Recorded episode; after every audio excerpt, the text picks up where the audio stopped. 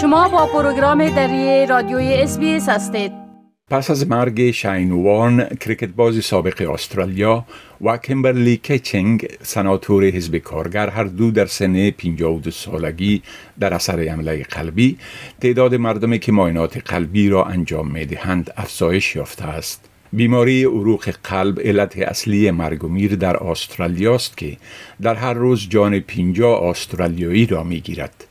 وقتی که اریک بیگالک خبر مرگ ناگهانی شینوان را شنید این مرد 54 ساله نزد دکتر رفت و قلب خود را معاینه کرد.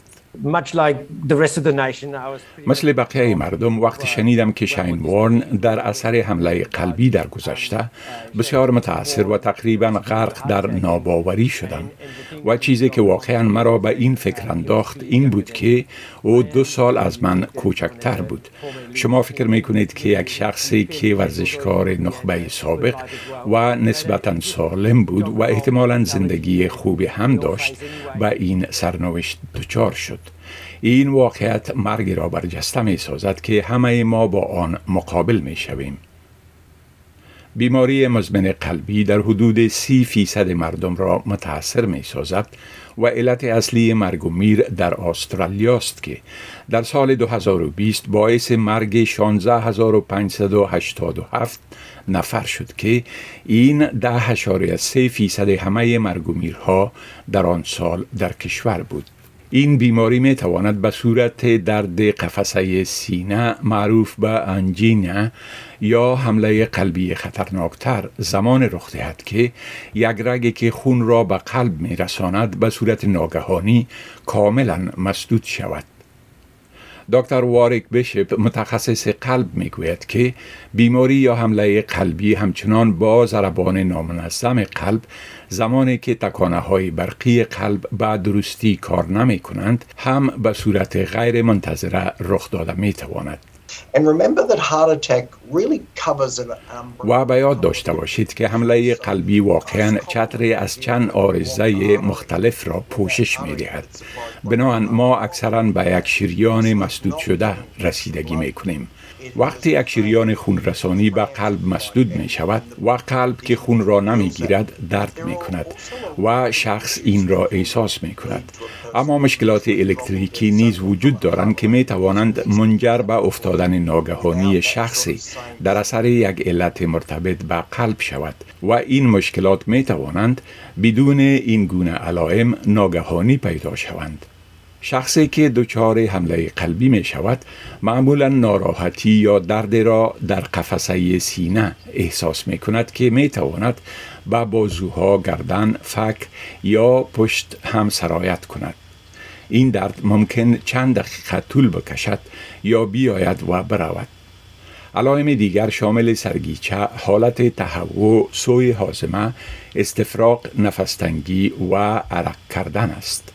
درد قفسه سینه معمولترین علامت حمله قلبی است که زنان و مردان از آن متاثر می شوند. اما دکتر لی نتکاف متخصص قلب و عروق می گوید زنان بیشتر از مردان علائم غیر درد قفسه را تجربه می کنند. ما می دانیم که زنان ممکن علائم غیر معمولتر داشته باشند که شاید به شما اطلاعی از حمله قلبی ندهد. مانند احساس سرگیچه حالت تهوع یا استفراغ داشتن دردهای شدیدتر در پشت یا شانه دیگر.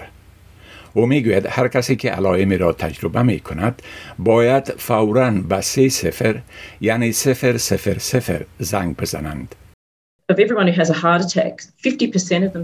از همه کسانی که دچار حمله قلبی می شوند 50 فیصدشان قبل از بستری شدن در شفاخانه ها می میرند و این در 15 سال تغییر نکرده است. بنابراین این گروهی است که شما می خواهید به آنها دسترسی حاصل کنید چون آنها هیچ چانسی برای درمان ندارند. متخصصین صحت می‌گویند که بیماری عروق قلبی تا حد زیاد قابل جلوگیری است زیرا بسیاری از عوامل خطر آن نتیجه عادات و روش زندگی است که تغییر داده شده می توانند.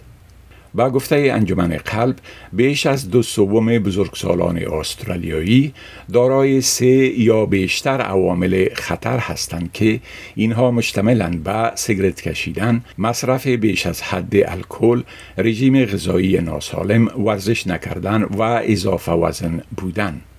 همچنان آرزه های سیخی مانند فشار بلند خون، عوامل صحت روانی، بلند بودن کلسترول و مرض شکر و همچنان سابقه خانوادگی بیماری قلبی خطر حمله قلبی را افزایش می دهد. جول ان میچل از انجمن قلب می گوید خطرات برای زنان در طول زندگی تغییر می کند. Factors. بعضی از عوامل خطر آفرین جنسی برای زنان وجود دارد که اینها با عوارض بارداری متوقف شدن قبل از وقت عادت ماهوار و بعضی از بیماری های وقایوی مرتبط بوده و از عوامل خطر منحصر به فرد برای زنان می باشند. انجمن قلب می گوید که یک هشار چار میلیون استرالیایی احتمال زیاده برای دچار شدن به حمله قلبی یا سکته را در پنج سال آینده دارند اما بسیاریشان از این خطر آگاه نیستند یک معاینه سالانه 20 دقیقه‌ای صحت قلب توسط دکتر عمومی به مصرف میدیکیر برای افراد بالای 45 سال توصیه می شود.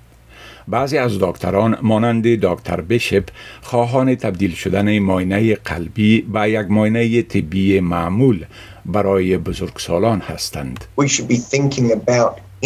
ما باید در مورد تصویربرداری از شراین مردم بر روش پیشگیرانه قور کنیم. همانند ماینه سرطان روده در 50 سالگی.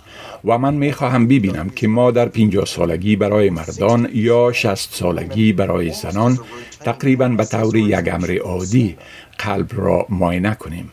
مگر اینکه دلیل وجود داشته باشد که باید زودتر از این معاینه شود. گزارش را که شنیدید با کمک جنیفر شیرر از SBS News تهیه شده بود. می خواهید این گونه گزارش ها را بیشتر بشنوید؟ با این گزارشات از طریق Apple Podcast، Google Podcast، Spotify و یا هر جایی که پادکاستتان را می گیرید گوش دهید.